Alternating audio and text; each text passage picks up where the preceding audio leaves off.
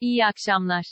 Muharrem İnce devlet üzerinden CHP üyeliğinden istifa etti. Eski Yalova Milletvekili Muharrem İnce, gün içinde Cumhuriyet Halk Partisi, CHP, üyeliğinden istifa edeceğini açıkladı. Bin günde memleket hareketini 4 Eylül'de Sivas'taki mitingle başlatan İnce, bugünkü açıklamasında, bu iktidar bu muhalefetten, bu muhalefet bu iktidardan çok memnun, toplumu ikiye kamplaştırmışlar. Karpuz gibi bölmüşler toplumu. Birisi bir kampta birisi bir kampta herkes yerinden memnun ama biz memnun değiliz. Bu kamplaşmadan bu kutuplaşmadan memnun değiliz. Biz üçüncü bir yol sunuyoruz insanların önüne. Türkiye sahipsiz değildir. Çözüm vardır. Umut vardır. Biz Türkiye'ye bir fırsat, bir çıkış yolu, bir seçenek olacağız dedi.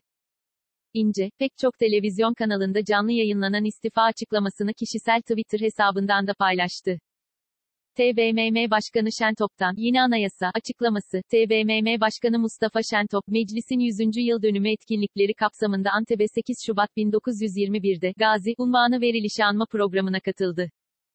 Program sonrası basın mensuplarının sorularını yanıtlayan Şentop, CHP Genel Başkanı Kemal Kılıçdaroğlu'nun yeni anayasa çağrısıyla ilgili inandırıcı bulmadığı yönündeki açıklaması hatırlatılması üzerine, yeni anayasa fikri bütün herkeste her zaman bir heyecan uyandırıyor. Daha önceki görüş ve açıklamalarına baktığımda yeni anayasa konusunda herkesin kararlılığını görüyorum.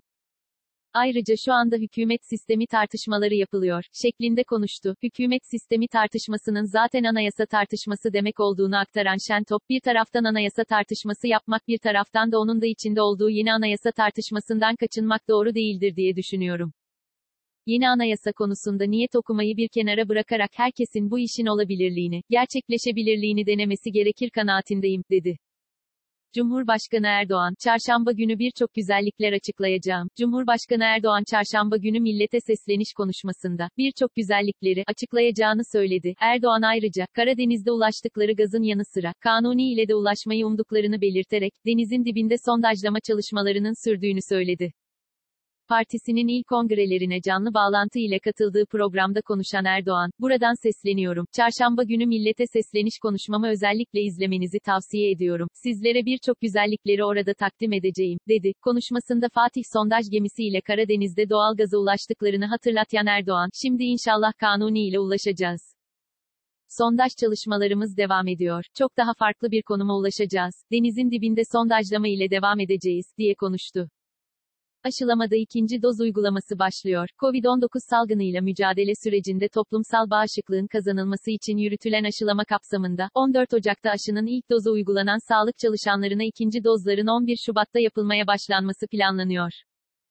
Bakan Koca'nın geçen haftaki koronavirüs bilim kurulu toplantısı sonrasında yaptığı açıklamaya göre, ikinci parti aşıların güvenlik testleri tamamlandıktan sonra, birinci aşamanın C grubunda yer alan 65 yaş ve üstü vatandaşların, ardından da sırasıyla ikinci aşamaya dahil olanların aşılanmasına geçilecek. Aşı takviminde yer alan ikinci aşamanın A grubunda, hizmetin sürdürülmesi için öncelikli sektörlerin çalışanları yer alacak. Bu kapsamda, Milli Savunma Bakanlığı, İçişleri Bakanlığı, kritik görevlerdeki kişiler, zabıta, özel güvenlik, Adalet Bakanlığı, cezaevleri, eğitim sektörü, öğretmenler ve öğretim üyeleri, gıda sektörü, SGK kayıtlarına göre çalışanları, fırın, yemek fabrikaları, gıda imalathaneleri, ambalajlanmış su üreticileri gibi, taşımacılık, SGK kayıtlarına göre, sektöründe çalışanlar bulunuyor. Aralık ayı konaklamaları son 9 yılın en düşüğünde, Kültür ve Turizm Bakanlığı, Türkiye'deki konaklama tesislerinin Aralık 2020 dönemi konaklama istatistiklerini açıkladı. Buna göre, Türkiye çapında bakanlık ve belediye belgeli tesisleri ziyaret istatistiği 2020 yılı Aralık ayında 2019'a göre %55,01'lik bir azalmayla 1,27 milyon oldu. %55,58 oranında azalan geceleme sayısı ise 4,04 milyon oldu. Ortalama doluluklarda %14,6 olarak gerçekleşti. Tesislerin en çok doluluk oranına ulaştığı iller sıralamasında Aralık ayında İstanbul ilk sırayı aldı. Bakanlık belgeli otellerde %19,6 doluluk oranı ile zirvede bulunan İstanbul'da tesislere geliş 306.374 geceleme sayısı ise 687.884 oldu. Antalya ise %10,6 doluluk oranı, 225.211 tesise geliş ve 583.584 geceleme ile İstanbul'u takip etti.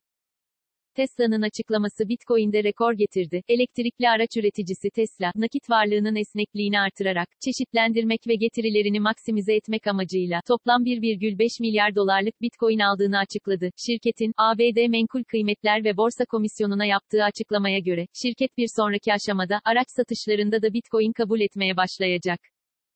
Açıklama, Tesla CEO'su Elon Musk'ın, Bitcoin, Ether, Ripple'ın XRP'si başta olmak üzere birçok popüler kripto para biriminde, yüksek değer artışıyla yansıyan sosyal medya kampanyasının ardından geldi. Bu operasyonun açıklanmasının ardından kripto para piyasalarının en yüksek hacimli Bitcoin, 42.891 dolar 3 sent ile yeni rekor düzeye kadar tırmandı. Musk ay başında yaptığı açıklamada, iyi bir şey, diye nitelendirdiği, kripto para piyasalarının en yüksek hacimli birimi Bitcoin'in, ana akımın dikkati çekmeye, hazır olduğunu söylemişti. BIST 100 endeksi, günü %0,51 yükselişle 1534,91 puandan kapattı. Saat 19 itibarıyla ABD doları 7 lira 9 kuruş, avro ise 8 lira 56 kuruştan işlem görüyor. Bugün Google'da en çok arama yapılan ilk 5 başlık şu şekilde. 1. Dogecoin 2. İçişleri Bakanlığı 3. Tom Brady 4. Gök